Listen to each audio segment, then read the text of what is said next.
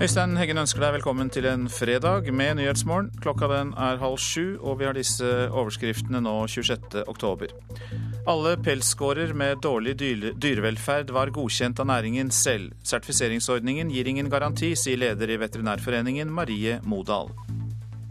Reglene og sertifiseringsordningen i seg selv gir jo ingen forbedring for dyra, hvis ikke det er sånn at eh, eierne som eh, er pålagt å følge reglene, faktisk gjør det. Oslo SV er splittet eh, om hvem som skal være listetopp til stortingsvalget. Bosetting av flyktninger er i krise. 3500 venter på at en kommune skal tilby bolig.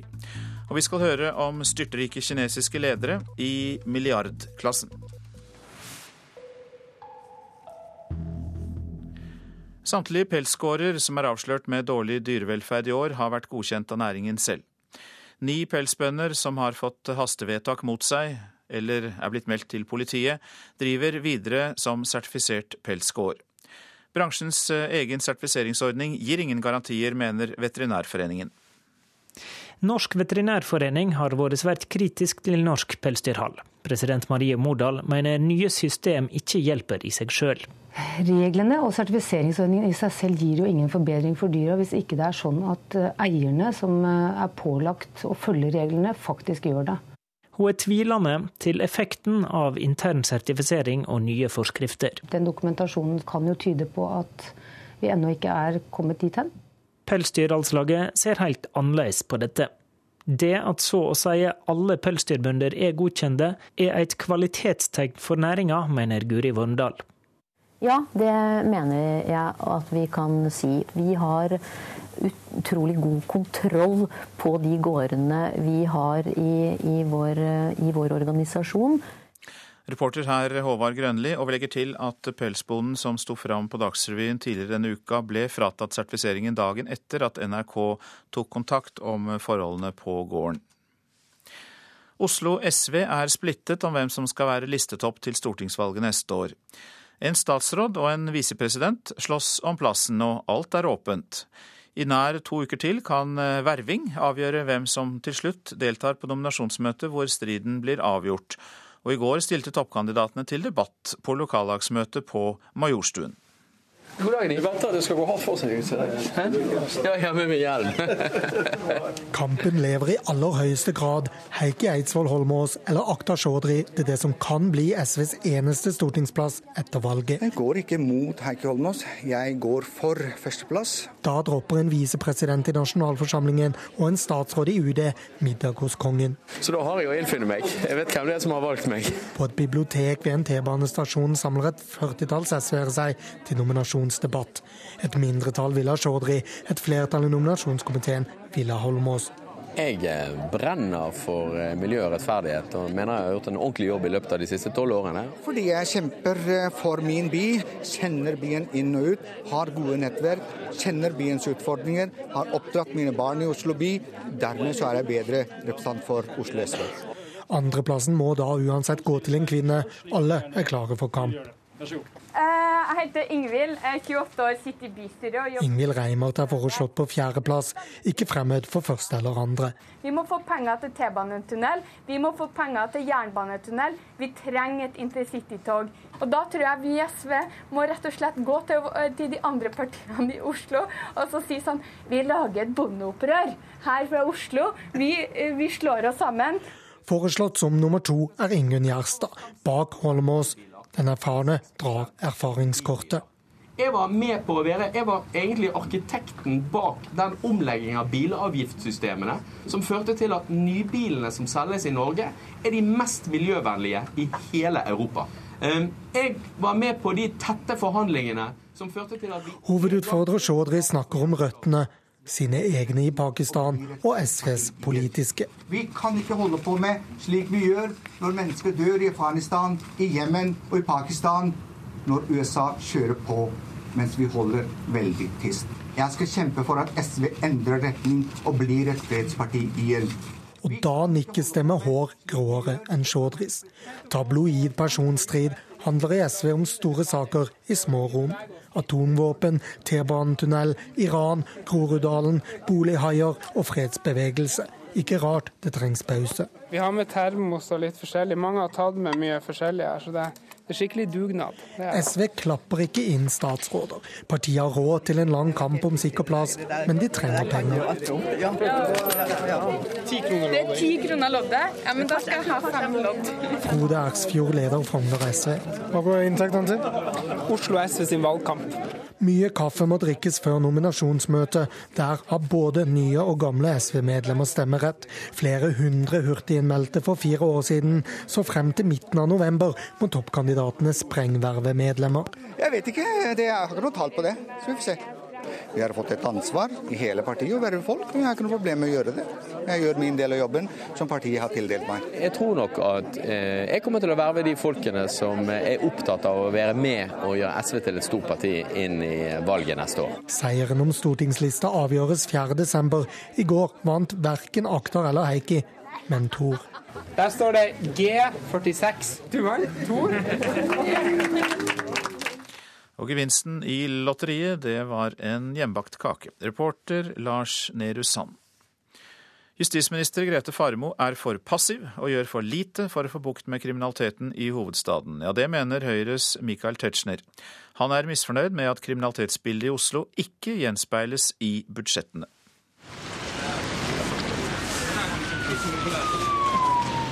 Ikke sjelden blir byidyllen i hovedstaden forstyrra av sirene.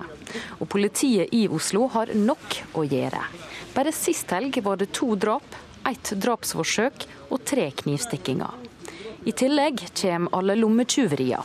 15 000 tilfeller ble meldt til politiet i fjor.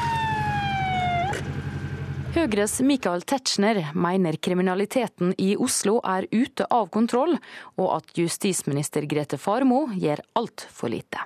Jeg syns hun øh, dessverre ser ut til å sitte nokså passiv, og ser at i mellomtiden at øh, Oslos øh, byrom endrer karakter, ikke blir så trygge som de var før. Tetzschner viser til at hovedstaden i første halvår hadde 23,5% av all registrert kriminalitet i landet, mens Oslo sin andel av politibudsjettet er på bare 16% i regjeringas statsbudsjettforslag. Jeg mener at uh, oppgavene ser ut til å vokse politiet over hodet, og at justisministeren ikke sørger for at uh, Oslo-politiet har de ressursene som skal til for å ta imot uh, økt kriminalitet, som også kommer fra utlandet.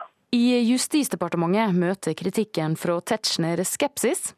Statssekretær Astrid Aas Hansen sier Farmo er tett på. Hun er faktisk veldig tett på hvordan kriminalitetsutviklinga er i Oslo. Vi har nær kontakt med politimesteren i Oslo.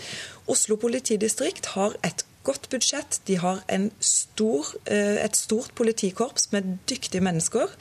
Så de har eh, det de trenger for å gjøre Oslo trygg. Men Tetzschner mener Oslo-politiet trenger mer penger for å løse et økende krimproblem i hovedstaden. Ås Hansen derimot svarer at etaten sjølve var nøgde med budsjettforslaget. I år har eh, vi fått gode tilbakemeldinger eh, fra politiet og eh, ikke minst fra Politiets Fellesforbund og Arne Johansen. Det at politietaten er fornøyd med budsjettet er ikke godt nok, sier Tetzschner. Det er eh, ikke etatens, men publikums øh, opplevelse av resultater som må være førende for hvordan vi løser dette i Oslo. Og utviklingen har lenge vært inne i et dårlig spor. Høyres Michael Tetzschner og reporter her, det var Ingvild Tanstad. Carl I. Hagen anklager en rekke norske politikere for at islamsk terror har kommet nærmere Norge. Han sier til Dagbladet at det er skremmende å være vitne til hvordan islamistiske ekstremister vokser fram i Norge, og hva slags trussel de utgjør mot vårt samfunn. Den tidligere Frp-lederen tar et oppgjør med tidligere politiske motstandere, som han velger å navngi fordi de etter hans syn har ansvaret for at ekstreme islamister i dag truer Norge og nordmenn. Islamistgruppen Profetens Umma driver aktiv rekruttering av eh, unge muslimer i Oslo. Det skriver eh, Aftenposten. I går ble gruppens eh, frontfigur, Abaydullah Hussein, pågrepet av politiet etter at han skal ha kommet med trusler mot to journalister. Den radikale gruppen Profetens Umma har ifølge deres egen beskrivelse som mål å tilfredsstille Allah og presentere islam i sin reneste form. Etter det Aftenposten kjenner til, så skal den aktive delen av gruppa være på mellom 10 og 20 personer. I går ettermiddag hadde Profetens Umma 606 medlemmer på Facebook. Ubaydullah Hussain har fungert som en talperson for denne gruppen. Han har de siste månedene flere ganger fått medias søkelys på seg. Det har vært kontroversielle uttalelser om jøder, støtteerklæringer til å rekruttere mindreårige til krig i Syria, og han har sagt at verden trenger en ny Osama bin Laden. Terrorforsker Atle Mesøy ved Universitetet for miljø og biovitenskap i Ås sa i går til NRK at ytringene hans er noe av det mest alvorlige som har nådd offentligheten i Norge. I og med at han eh, har kommet med såpass eh, alvorlige kommentarer tidligere, og i den eh, ideologien som, han representerer, så syns jeg at man bør ta det alvorlig. Han kan mene én ting, men, eh, og, og, da har vist at han er villig til å gå over en grense ved å, å true med å bruke vold, mens det kan være andre personer i miljøet som kanskje er villige til å gå enda lenger. Den radikale gruppen skal være i opposisjon til de etablerte muslimske miljøene i Norge, bl.a. Islamsk råd Norge. Det sa reporter Ellen Borge Christoffersen.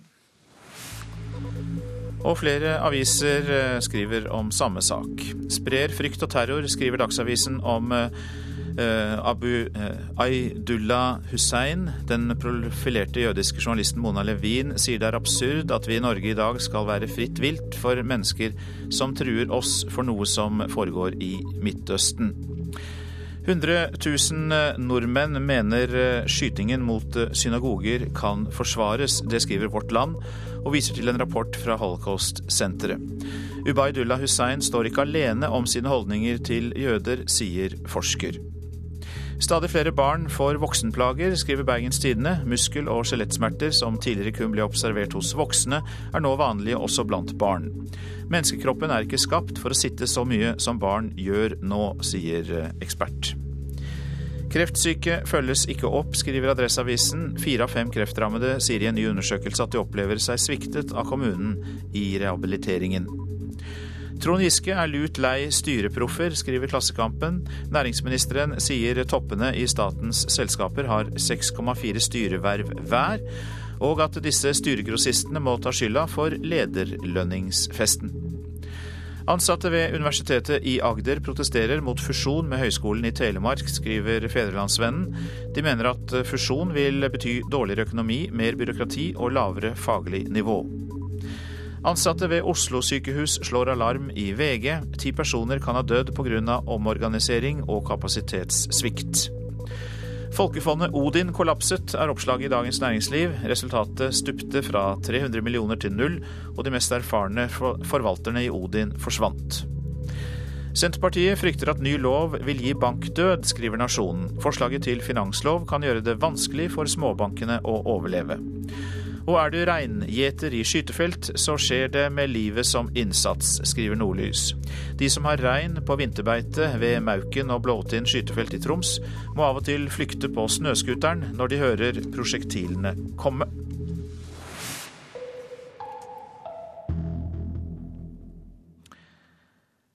Arbeidet med å bosette flyktninger er inne i en krise. Det mener Integrerings- og mangfoldsdirektoratet. I sommer ba de kommunene om å ta imot 2000 flere flyktninger, men kommunene har bare sagt ja til 155. På Vestlandet er Bergen den eneste kommunen som har sagt ja til å ta imot flere flyktninger. Vi trenger et sted å bo og, og få trygghet. Det betyr så mye. Etter å ha fått seg et nytt husvære i Bergen, er Tedla Jenekal fra Etiopia en av de heldige jeg, jeg, var veldig heldig, tenker jeg. Men over 3500 flyktninger som har fått opphold i Norge, sitter nå på asylmottak uten noen annen plass å bo. Dette her er en krise i forhold til bosettingsarbeidet for flyktninger i Norge. Det sier Kristian Meldingen i IMDi. I sommer ba de kommunene om å ta imot 2000 flere. De har bare fått positivt svar på 155. Og det er uh, altfor lite. Antallet som venter i mottak nå, er 80% høyere enn det var i januar i år. I de fire vestlandsfylkene har alle kommunene unntatt én sagt nei. Bergen kommune er den eneste kommunen på Vestlandet som til nå har gitt positive signaler. De har utfordringer med at en del kommuner ikke stiller opp. Sosialbyråd i Bergen, Lisbeth Iversen fra KrF, mener flere kommuner nå må ta ansvar. For vi har sett i Bergen at dette er fantastisk. Det gir et mangfold, og det gir ikke på noen måte de store utfordringene som mange frykter når vi gir en god integrering. SV-politiker Odny Militeig har i mange år tatt til orde for en større satsing på bosetting i kommunene. Hun er uroa på vegne av de som må sitte og vente. Det hoper seg opp i asylmottakene med mennesker som har fått ja til å være i Norge. Da må Kommune-Norge på et eller annet tidspunkt ta et løft. Å få oppholdstillatelse, det er ikke lett å få den. Og så De må vente igjen for kommuner å få eh, et sted å bo. Det er ikke lett. Og eh, det var Sølve Rydland som var reporter. Dette er Nyhetsmorgen, og klokka den har passert kvart på sju. Dette er overskriftene. Alle pelsgårder med dårlig dyrevelferd er gode, var godkjente av næringen selv. Sertifiseringsordningen gir ingen garanti, sier leder i Veterinærforeningen, Marie Modal. Islamistgruppen Profetens Umma, som, leder, som driver, driver aktiv rekruttering av unge muslimer i Oslo. Det skriver Aftenposten. Og Oslo SV er splittet om hvem som skal være listet opp foran eh, stortingsvalget.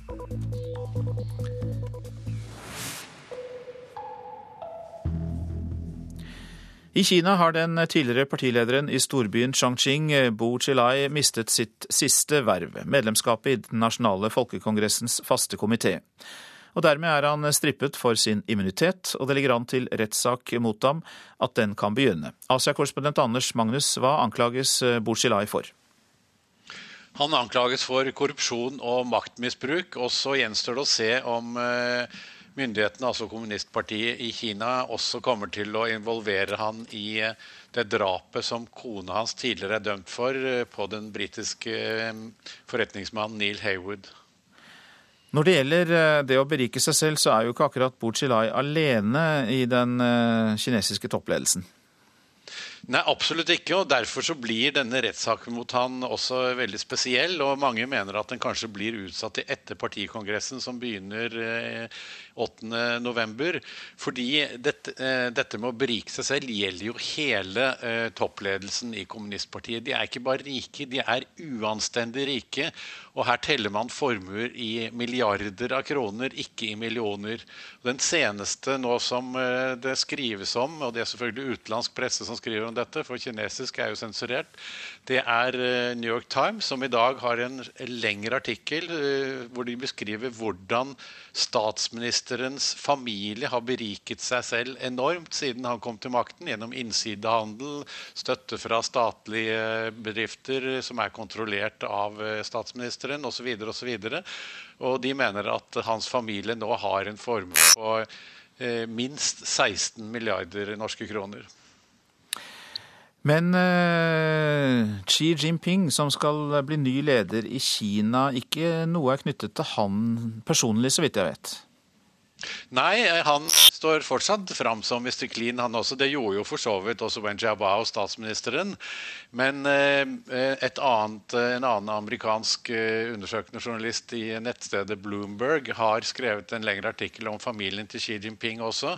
Uh, og, og, hans familie har også beriket seg voldsomt. Så det er uh, ikke noe unntak hos noen av disse kinesiske topplederne. Det som skjer nå, er jo at uh, som, da, da, Bloomberg skrev den artikkelen, ble Bloombergs nettsted blokkert. I dag er New York Times nettsted blokkert, på samme måte som for så vidt nrk.no er blokkert i Kina. Og også når det omtales på utenlandske Eh, TV-stasjoner som BBC, så går skjermen i svart her. For dette er eh, nyheter som kinesiske myndigheter for all del ikke vil at landets befolkning skal få vite noe om.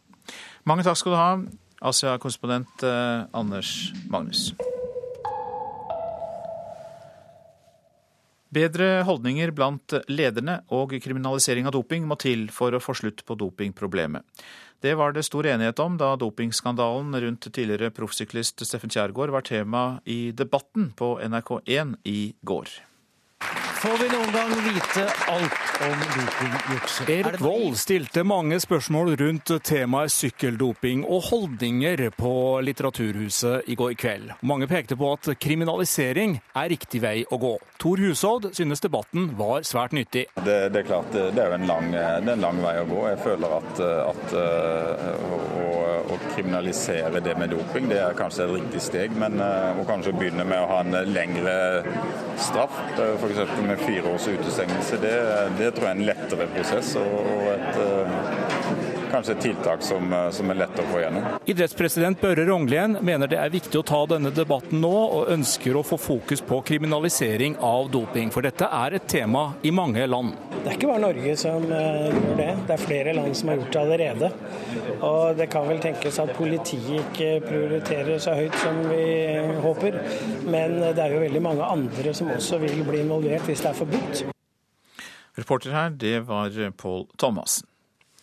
Nå skal det forskes på hva hyttefolk bidrar med på Hvaler, altså hytteparadiset i Østfold. Hytteeierne opplever beskyldninger om at de snylter på kommunen, men nå skal fakta på bordet. Det sier leder av Hvaler hytteforening, Gunnar Dahl Johansen. En del av oss blir irriterte da når vi får liksom, beskyldninger som går på at uh, hytteeierne bidrar ikke noe til Hvaler-samfunnet overhodet. Hvaler har drøyt 4000 fastboende, men langt flere hyttebesøkende på sommeren. Nå vil Hytteforeningen klargjøre nøyaktig hva de bidrar med i kroner og øre. Det skal forskningsleder Sunniva Rubak hos Østfoldforskning finne ut av. Vi vet ikke så veldig mye om det i dag. Eh, det sies mye om at ja, hyttefolk har et stort bidrag. Eh, man vet ikke, man har ikke kvantifisert det så veldig mye. Vi ber hyttefolk også sjøl om å si litt om hvor mye de tror de legger igjen der ute. Hvaler kommune trenger ekstra inntekter for å gå i balanse, men rådmann Torleif Fjellebekk avviser at hytteeierne blir sett på som gratispassasjerer i kommunen. Altså Hvaler kommune er helt avhengig av eh, de fritidsboende, og vi hadde ikke klart å få til den kommunen som vi har fått til, hvis ikke de hadde vært her. Han ser fram til resultatet av forskningen på hyttefolkets bidrag til kommunen som helhet. Det syns vi er kjempefint, og vi vil jo gjerne komme i dialog med dem om dette materialet når det etter hvert da kommer frem. Ja, Nå vil jeg ha dokumentert og fortelle de som bor her ute om hva er egentlig vi bidrar med. Og vi ønsker også å bidra med å hjelpe kommunen, men vi vil gjerne at det skal være rettferdig. Reporter Lars Håkon Pedersen. Hvert år skader 30 000 barn og unge seg på skolen, men viktig informasjon som kan hindre ulykker, blir liggende i arkivet.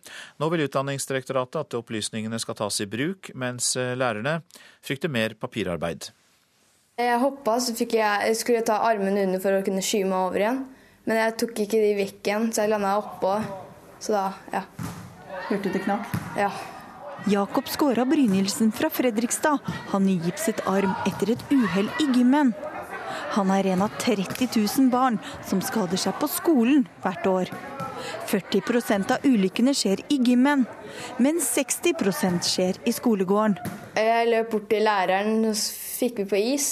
Så gikk vi inn til helsesøsteren, og så venta på mamma til å dra på legevakta.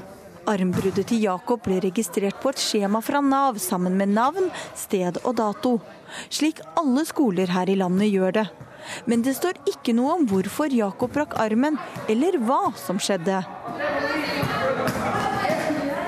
Skjemaet blir liggende i arkivet hos Nav i hvert fylke uten at opplysningene blir brukt til å unngå nye ulykker. Det vil Utdanningsdirektoratet ha en slutt på.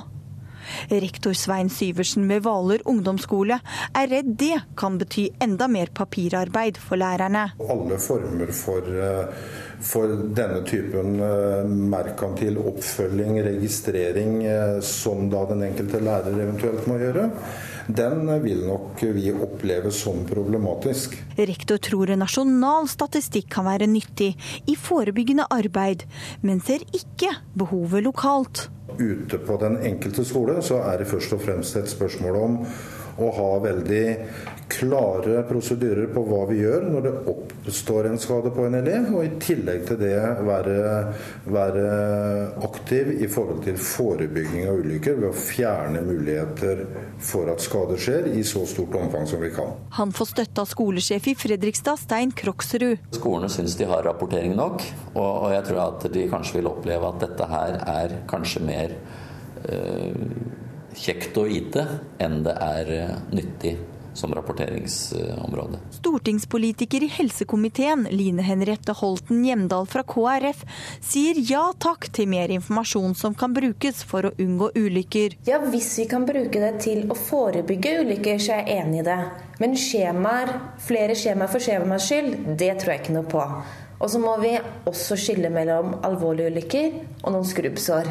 Men vi må lage system som gjør at skolene kan forebygge mer på en praktisk måte. Reporter Anette Torjussen.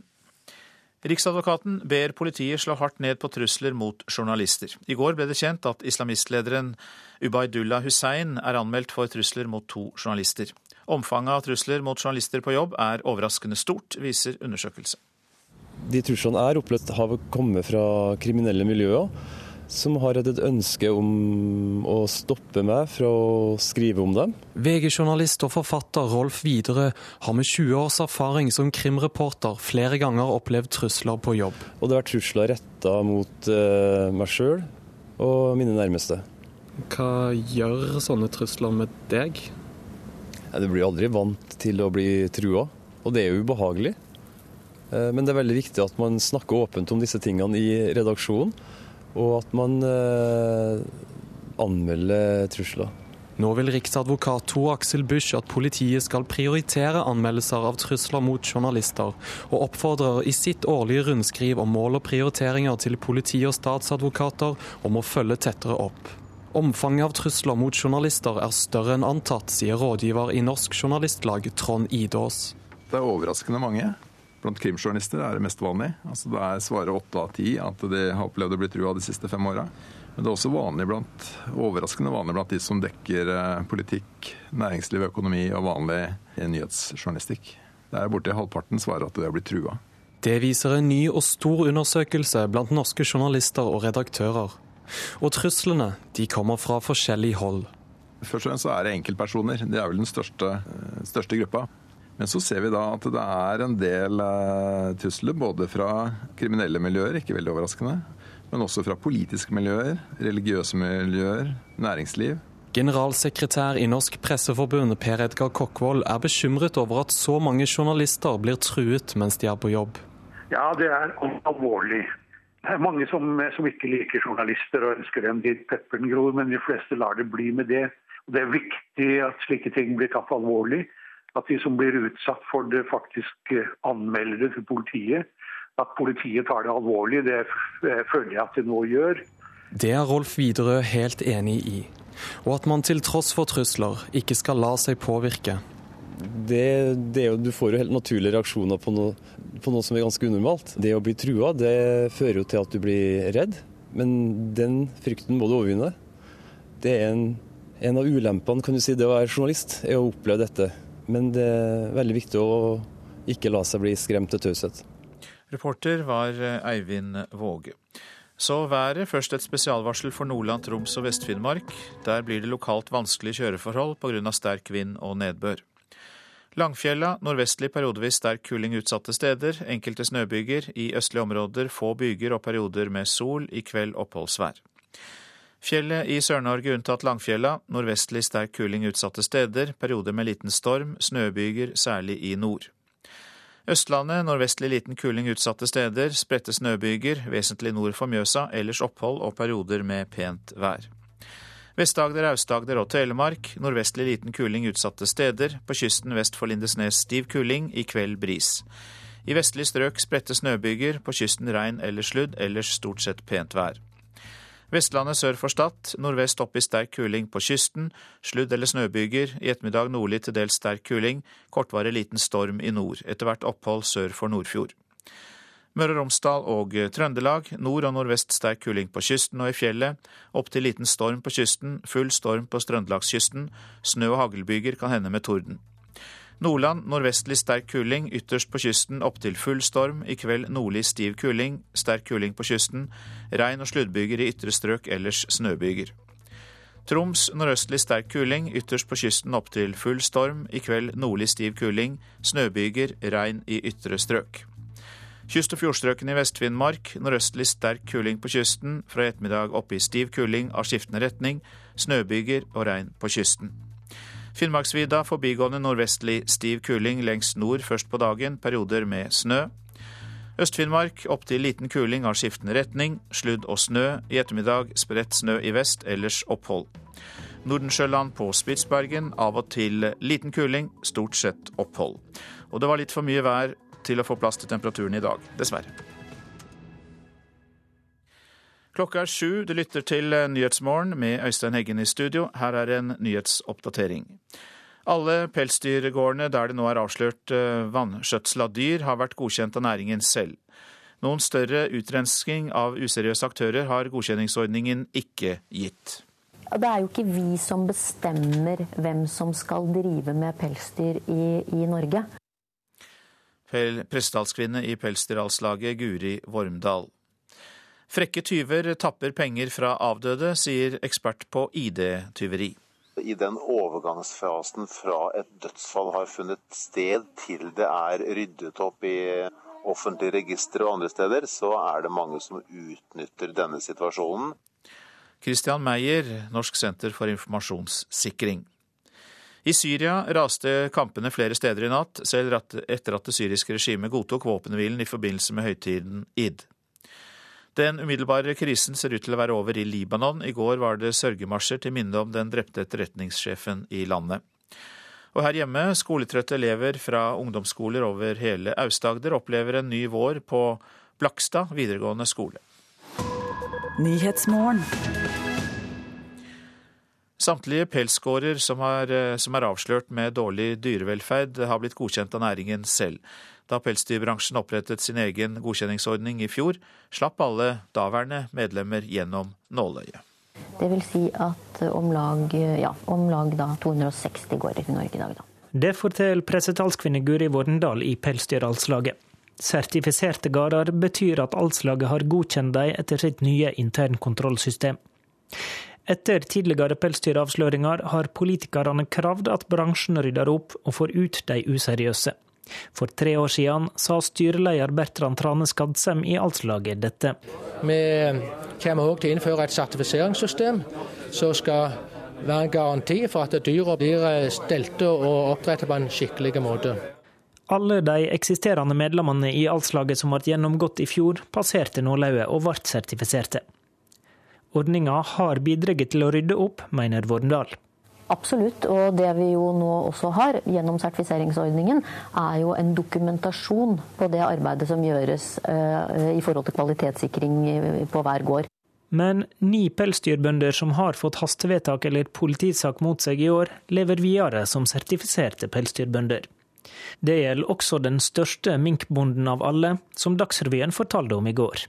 Meldt til politiet av Mattilsynet i år for flere dyrevelferdssaker men sertifisert og støtta av Alslaget, stadfesta veterinæren til laget i går. De kan jo fremdeles ha ulike faglige oppfatninger. Ei stor utreinsking av useriøse aktører har ordninga med andre ord ikke gitt. Det er jo ikke vi som bestemmer hvem som skal drive med pelsdyr i, i Norge. Eh, vi har eh, våre medlemmer, og det er de vi eh, kan håndtere. Hvis det er slik at en gård ikke lenger skal få lov til å drive, så må jo det være fordi man uh, har en rettslig dom mot seg hvor man da ikke får, uh, får håndtere dyr. Norsk veterinærforening har vært svært kritisk til norsk pelsdyrhold. President Marie Mordal mener nye system ikke hjelper i seg sjøl. Reglene og sertifiseringsordningen i seg selv gir jo ingen forbedring for dyra, hvis ikke det er sånn at eierne som er pålagt å følge reglene, faktisk gjør det.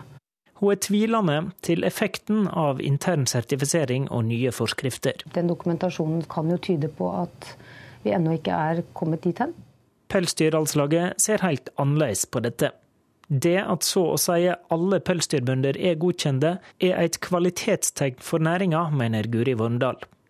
Ja, det mener jeg at vi kan si. Og det jeg også vet, er at vi har utrolig god kontroll på de gårdene vi har i, i, vår, i vår organisasjon. Og det er eh, gode forhold på disse gårdene. Den ene pelsdyrbonden som har mista sertifiseringa si, er han som sto fram på Dagsrevyen denne veka. Han mista godkjenninga lørdag, dagen etter at NRK hadde tatt kontakt om saka hans. Det sa reporter Håvard Grønli.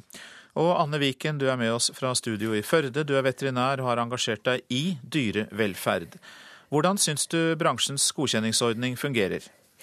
Eh, det som kommer fram i media nå, kan jo tyde på at det ikke fungerer. Altså, Pelsbransjen har jo flere ganger vært ute og sagt at de ikke tolererer dårlig dyrevelferd. De har vært ute og sagt at de skal fjerne verstinger. Men når de da innfører sin egen sertifiseringsordning, så viser jo deres dokumentasjon at de har sertifisert alle pelsgårdene. Så da kan en lure litt på på, som Marie Modal sa, da, hvor godt den eh, sertifiseringsordningen funker. For det, det som har blitt avslørt de siste dagene, er jo ganske mange alvorlige brudd på både lov om dyrevelferd og forskrifter om hold av pelsdyr. Ja, Hva vekker det i deg som veterinær når du eh, ser og hører om eh, det som er avslørt? Nei, Det er jo ubehagelig. Men det er jo fryktelige bilder som kommer fram. Eh, men det er jo ikke overraskende. så det her har jo blitt en rutine å levere sånne oppslag til mediene fra pelsdyrnæringen. Det er jo også avdekket uh, veldig vanskelige forhold for disse pelsdyrene, men likevel så kjøper jo folk uh, pels. Og så er det jo også sånn at vi fortsatt kjøper egg, selv om burhøns uh, lever trangt. hva sier det om holdningene våre? Eh, ja, det kan sikkert si ganske mange forskjellige ting om våre holdninger. En ting er vel at eh, enkelte av de som kjøper pels, rett og slett ikke er så veldig opptatt av hvor den pelsen kommer fra, eller hvordan den er produsert. Eh, når det kommer til f.eks. egg fra burhøns, så kan det handle om, at, om pris. Eh, og at en på en måte velger å kanskje lukke litt eh, øynene for produksjonsformer da. Eh, og så handler det vel òg om tilgjengelighet. Det, men forbruker er jo veldig distansert for hvordan både pels og matproduksjon foregår. Ja, la oss ta det, da. Fordi eh, det er jo kanskje forskjeller her i holdninger til mangt og meget rundt dyrevelferd mellom byene og distriktene, eller hva mener du om det? Det er, veldig, det er et veldig godt spørsmål og et veldig vanskelig spørsmål å svare på. Eh, det er antageligvis sånn at både forbrukere i byen og på bygda er, har kanskje et distansert forhold til hvordan mat blir produsert. Selv om du bor ved siden av en gård, så er det ikke nødvendigvis sånn at du går inn i rennfjøsen og ser hvordan foregår denne drifta her. Eh, og det er jo òg sånn at eh, for en forbruker i Norge så er det ikke så lett å vite helt hva er det egentlig som er realitet, og hva er det hvordan er de faktiske forholdene rundt matproduksjon. For vi blir jo konstant utsatt for en veldig markedsføringspress. Vi har Opplysningskontoret for egg og kjøtt bl.a. Vi har reklame. Det er ikke så veldig lett for forbrukere å sortere fleip fra fakta og gjøre et bevisst valg som er basert på kunnskap. En som drev pelsdyrfarm og ble intervjuet av NRK, sa at eh, dyra kan tilpasse seg å leve uten et bein, at de ikke føler smerte på linje med mennesker. Hva mener du om det? Eh, det er en helt eh, utrolig påstand fra en, eh, fra en pelsdyrbonde som har drevet på med pelsdyr i mange år. Det, det er snakk om helt grunnleggende mangel på kompetanse. Og pelsnæringen har jo òg sin egen handlingsplan for dyrevelferd. Og der, der skal de bl.a. drive med kursserier og dokumentere kunnskap hos oppdretter. Og det står jo òg i lov om dyrevelferd at de som driver og har dyr, skal ha kompetanse om det de driver på med. Og den, altså den type kompetansemangel som han viser der, er bare helt utrolig. Men jeg tror dessverre det finnes en del eh, i næringen som har de holdningene der. Og det gjelder ikke bare pels. Takk skal du ha. Anne Viken, veterinær eh, som har engasjert seg i nettopp dyrevelferd. Debatten om EØS-avtalen skjerpes innad i regjeringspartiene etter at deler av fagbevegelsen har gått inn for å endre Norges avtale med Europa. SV-leder Audun Lysbakken sier hans parti vil fortsette å kjempe mot EØS-avtalen. Partisekretær Raymond Johansen i Arbeiderpartiet mener SV og Senterpartiet sporer av debatten ved å gjøre nei til EØS til en kampsak. Jeg mener at det er en avsporing, for den største trusselen mot arbeidstakernes rettigheter i Norge er en Høyre-Fremskrittsparti-regjering, ikke en EØS-avtale. Oslo Spektrum 28.11.1994. Norge har for andre gang sagt nei til EU. I stedet ble det EØS. Striden om Norges forhold til Europa har fått ny intensitet etter at Fagforbundet og andre tunge LO-forbund i høst gikk inn for å ta arbeidslivsspørsmål ut av EØS-avtalen. NRK er kjent med at det skaper irritasjon innad i Arbeiderpartiet at SV og Senterpartiet skjerper EØS-motstanden foran stortingsvalget. Raimond Johansen levner de to partiene små sjanser til å vinne fram hvis det skulle bli rød-grønt flertall og partiene skal forhandle om en ny plattform. Det er tyngden mellom partiene som avgjør hver forhandling. Vårt utgangspunkt er at vi fortsatt skal styre på EØS-avtalen. EØS og jeg eh, tror at det vil bli resultatet gjennom forhandlingene. SV-leder Audun Lysbakken fastslår at hans parti vil fortsette kampen mot EØS, og at SV støtter kravene fra fagbevegelsen. I SV vil vi selvfølgelig fortsette å snakke for det som er vårt primære standpunkt, nemlig at Norge hadde klart seg bedre uten EØS-avtalen, og håper at vi får med våre partnere på en enda mer aktiv EØS-politikk mens vi har den, sånn at vi kan stoppe direktiver fra Brussel som er skadelige for norske interesser. EØS-avtalen er viktig og bra for Norge. Derfor er den viktig også for Arbeiderpartiet. Og eh, partisekretær Raymond Johansen, som du hørte der, han er også gjest i Politisk kvarter om en drøy halvtime. Reporter Per Arne Bjerke. Kriminelle bruker døde menneskers identitet til å stjele penger, og problemet øker. Offentlige registre oppdateres raskt etter et eh, dødsfall, men pårørende selv må rydde opp i sensitive opplysninger på internett. Seniorrådgiver Christian Meyer ved Norsk senter for informasjonssikring sier tyvenes kreativitet ikke kjenner noen grenser. I den overgangsfasen fra et dødsfall har funnet sted til det er ryddet opp i offentlige registre og andre steder, så er det mange som utnytter denne situasjonen. Identitetstyveri er blitt et økende problem de siste årene, og heller ikke døde personer får ha navnet sitt i fred. En av årsakene er at vi legger ut stadig mer informasjon om oss sjøl på nettet. Hvis ikke pårørende tar ansvar for å slette dette når noen dør, kan konsekvensen bli at bankkontoer tappes og kredittverdighet misbrukes. Man eh, benytter f.eks. en eksisterende nettbank, eh, kredittkortinformasjon. Altså et telefonnummer kan brukes til å bekrefte at du er vedkommende, og så får man innloggingskoder for da nye kundeforhold man etablerer. Selv om det i dag ikke finnes noen samla oversikt over hvor mange ID-tyveri av denne typen som begås, merker begravelsesagent ved Bodin gravferd i Bodø, Vanja Grønhaug, at dette er noe som opptar de pårørende. F.eks. så sitter de og snakker om at hva gjør vi med mailen? Vi kommer jo ikke inn på mailen. Hva gjør vi med Facebook-sida? Eh, hva gjør vi med alle de andre digitale sporene som vi har? De er derfor en av stadig flere begravelsesfirma som tilbyr pårørende hjelp til å slette digitale spor. Det viser jo også at det er jo en ganske høy prosent av de helt eldste også som er på, på Facebook f.eks. eller andre digitale medier. Og det trengs jo å, å ryddes opp i. Og det var Hilde Mangset Lorentzen som hadde laget denne reportasjen, og på nettsiden slettmeg.no så kan du lese mer om hvordan du kan gå fram for å hindre ID-tyveri. Klokka den går mot 7.13. Dette er hovedsaker i Nyhetsmorgen. Pelsdyroppdrettere som er tatt for dyremishandling, er blitt godkjent av næringen selv. Det var kamper i Syria i natt, men det roet seg etter at våpenhvilen startet for litt over en time siden. Og følg oss videre. Vi skal høre om eh, muslimenes store fest, den store id, i dag. I Libanon var det i går sørgemarsj til minne om den drepte etterretningssjefen Wissam al-Hassan. Det har vært rolig i landet de siste dagene. Selv om volden kan blusse opp igjen, ser det umiddelbart ut til at krisen er over. Etterspillet etter bomben som drepte den libanesiske etterretningssjefen Wissam el-Hassan, har kostet menneskeliv. Han var på vei hjem fra bakeren. Han hadde kjøpt brød, og han ble truffet av en kule fra en snikskytter, forteller en kvinne til fransk fjernsyn. Hun har mistet sønnen. Det skjedde i Tripoli, nord i Libanon, hvor spenningene er sterkest og våpnene sitter løst. Det har vært mange voldsepisoder der det siste året mellom alawier og sunnimuslimer. Alawiene støtter president Bashar al-Assad og hører til den samme religiøse gruppen som den syriske lederen. Det var sunnimuslimene som mistet en forkjemper da al-Hassan ble drept. Han var deres mann.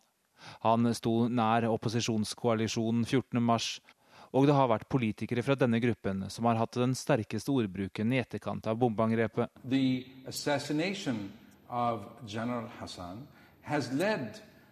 Also to genuine anger, frustration, and outbursts on the part of people Drapet på general Hassan har ledet til ekte sinne og frustrasjon over hele landet, sa Mohammed Chatta, rådgiver for tidligere statsminister Fouad Signora, og la til at Hassan hadde stanset mange konspirasjoner mot Libanon, bl.a. flere fra Syria.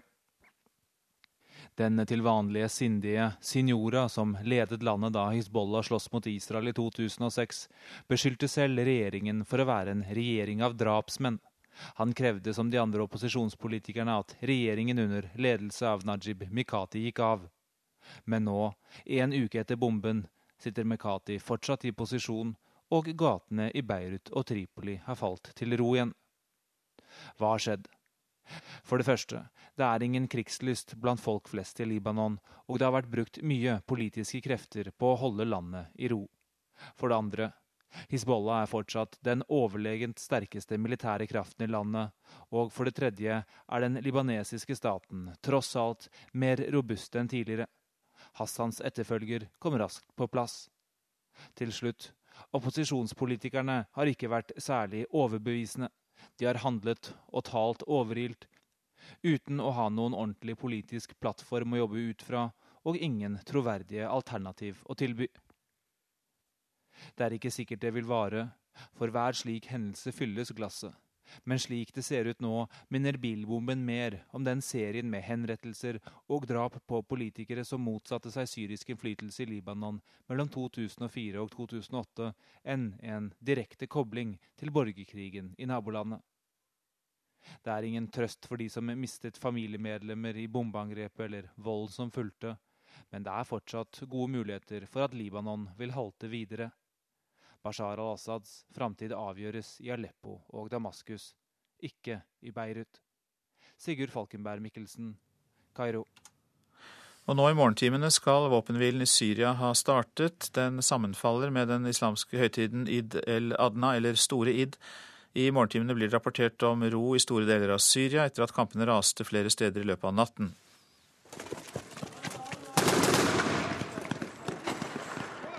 Harde kamper i den nordlige byen Harem i går. Flere andre steder i Syria holdt kampene fram i løpet av kvelden og natta. Våpenhvilen som ble framforhandla i går ettermiddag, setter ikke en stopper for valden og drepinga før tidlig i morges.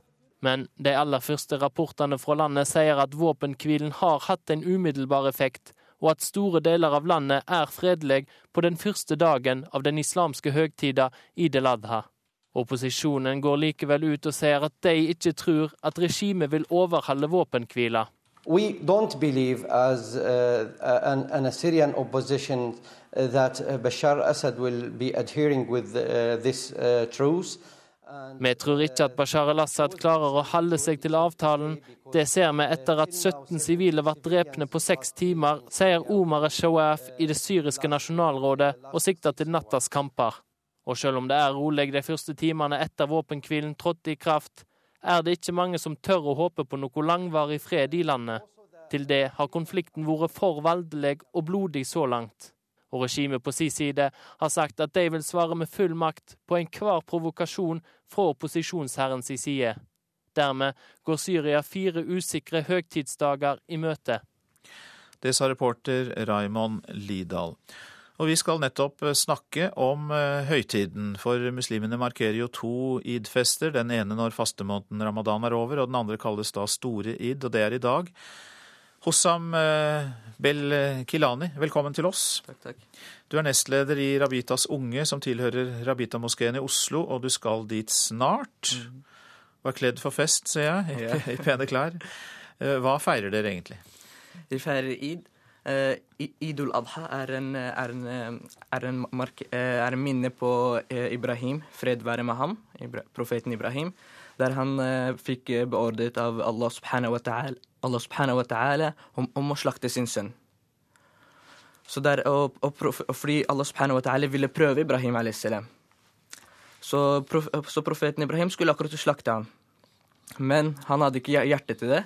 Så når han skulle slakte, så, gikk, så snudde kniven seg, så han fikk ikke slakte den. Så, fikk, så, han fikk ned en sau, slik at han slaktet sauen, og det har blitt en markering fra det da. Og det er jo samme mann som uh, i kristen sammenheng mm. kalles Abraham. Ja.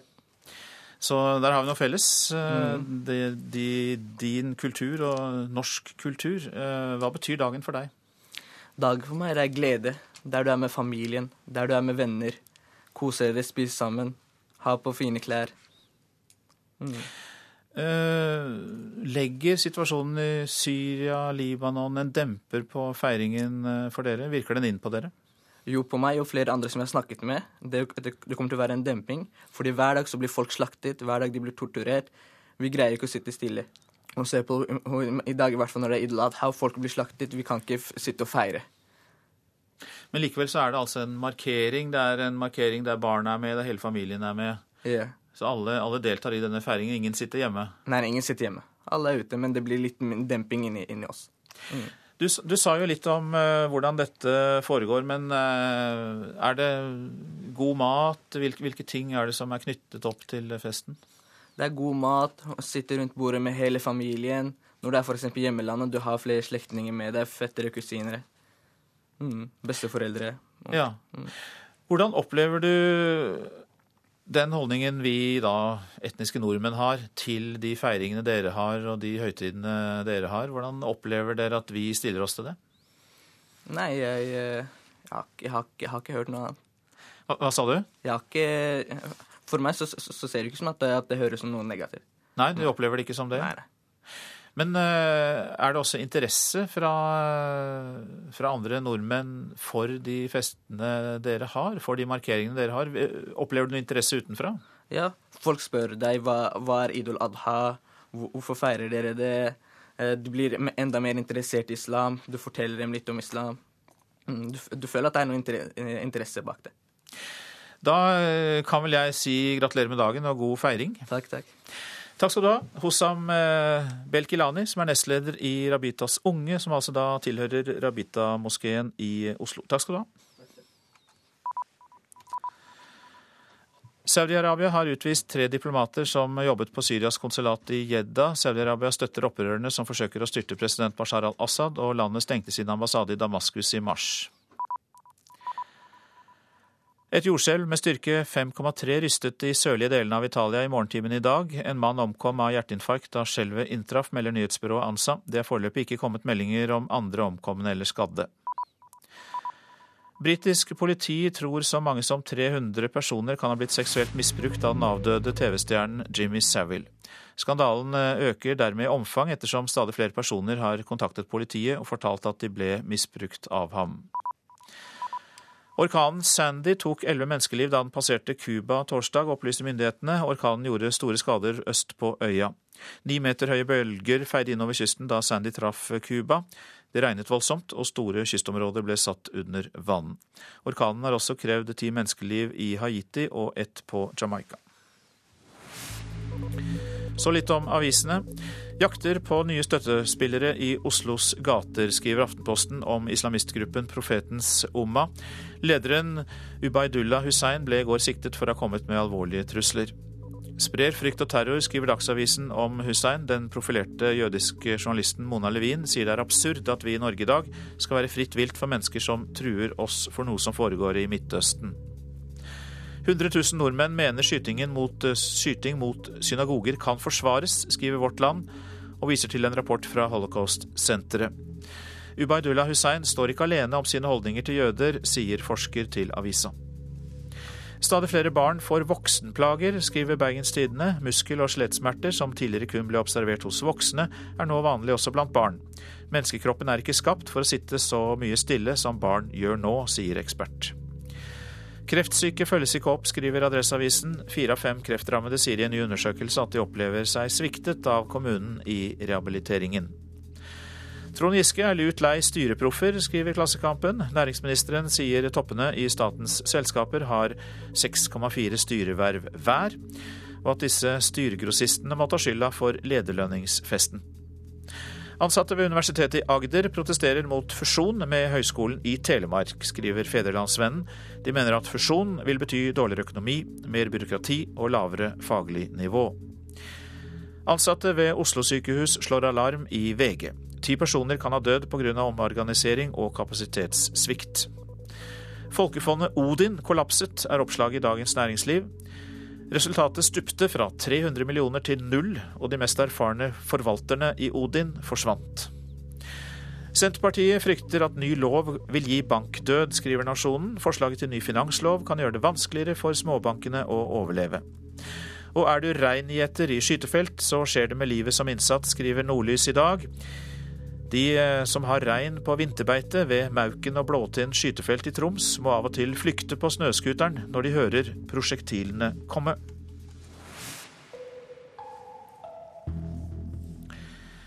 Skoletrøtte elever fra ungdomsskoler over hele Aust-Agder opplever en ny vår på en av skolene i fylket som tilbyr et spesialprosjekt. Ved Blakstad skole i Aust-Agder er det mye praksis og lite teori. Nei, det var jo egentlig en fordel, da. For jeg er jo et, et praksismenneske, holdt jeg på å si. Mats Levi Jensen går på VG2 på Blakstad videregående i Froland. I fjor var han tilknyttet Veksthuset, et spesialtilpasset opplegg for elever som ikke er særlig glad i teorifag. Så jeg greide meg veldig fint det året. Jeg hadde bare praksis. Så nå er jeg jo kommet på VG2. Da har jeg jo de der andre innledende fagene i kjøring og sånn. Og jeg har bestått alle prøvene vi har hatt til nå, så funker bra det òg. I veksthuset, som ligger 4-5 km fra selve skolen, jobber 10-12 elever i grupper på to til tre stykker nå med å lage bindingsverk og armering for betongvegger. Realistisk praktisk arbeid som på en vanlig byggeplass, konstaterer rektor Nils Inge Øyna. det vi gjør er at Vi har etablert en eh, VG1-klasse her oppe Eh, der elever fra ungdomsskolen får lov å komme og prøve om det er et tilbud som passer dem. Det kan være skoleungdom som er lei av skole, det kan være skoleungdom som eh, kanskje ikke har de forutsetningene som er riktig for å gå inn i en vanlig ordinær videregående skole. Og som vi da greier å gi et tilbud på en sånn måte at de opplever dette her som er fornuftig. Men Hva med teorien, må de ikke ha den? Jo, eh, de burde selvfølgelig alle ha, og de får òg teori her. Men det blir gitt mye mer på en praksisarena enn det som er vanlig i ordinær skole. Vi differensierer oss så langt som overhodet mulig. Så har de da òg et eh, rom rett på innsida som de kan gå inn og ta en liten teoriøkt hvis det er nødvendig. Men mest mulig foregår på den praktiske arena. Også pedagogisk-psykologisk tjeneste i Aust-Agder fylkeskommune merker seg hva som skjer på Blakstad. Gro Monsson er rådgiver i PP-tjenesten. Det vi opplever er at elevene trives utrolig godt. Vi har møte med foreldre som eh, er eh, veldig fornøyd med det de ser og det de opplever elevene eller ungene deres forteller når de kommer hjem. Så det her er et veldig gunstig tilbud for mange eh, elever i Aust-Agder. Med din erfaring i PP-tjenesten, hvor ville disse gutta vært hvis ikke de hadde hatt dette tilbudet her? Jeg er jo redd for å si noe om det, da. Men det er jo elever som har strevd mye i den tiårige grunnskolen, i ungdomsskolen med veldig mye teori, tung teori. Eh, det er jo fare for drop-out, og vi vet jo alle kanskje hvordan utfordringene er for ungdommer i 16-årsalderen som går ut av skolen og ikke har noe dagtilbud. For det er vanskelig for deg å få seg jobb. Da har det vært ganske vanskelig. For det var jeg er ikke akkurat et teoretisk menneske, for å si det sånn. Så jeg er veldig glad for at jeg har fått det tilbudet jeg har fått. Og det håper jeg mange andre kan få. Ja. Men Hadde du vært en såkalt drop-out-elev eh, dersom du ikke hadde hatt det tilbudet her? Ja, det hadde jo Jeg tror ikke jeg hadde greid meg hvis ikke. Ja, det mente Mats Levi Jensen, og det sa han til reporter Pål Tegnander. Vi legger til at det i dag er 70 år siden nazistene arresterte de mannlige norske jødene under andre verdenskrig. 26.10.1942 ble 336 mannlige jøder over 15 år arrestert og internert i Berg interneringsleir utenfor Tønsberg. Arrestasjonene skjedde etter ordre fra det tyske sikkerhetspolitiet, men ble utført av norske politienheter. Og det er altså på dagen 70 år siden. Du lytter til eh, Nyhetsmorgen på NRK P2. Produsent i dag Silje Katrine Bjarkøy. Her i studio Øystein Heggen. Ekteskap også for homofile, det er en debatt som pågår i Storbritannia. Statsministeren vil endre ekteskapsloven, men saken splitter det konservative partiet. Mer om det i reportasjen etter Dagsnytt. Og så er det EØS-debatt i Politisk kvarter.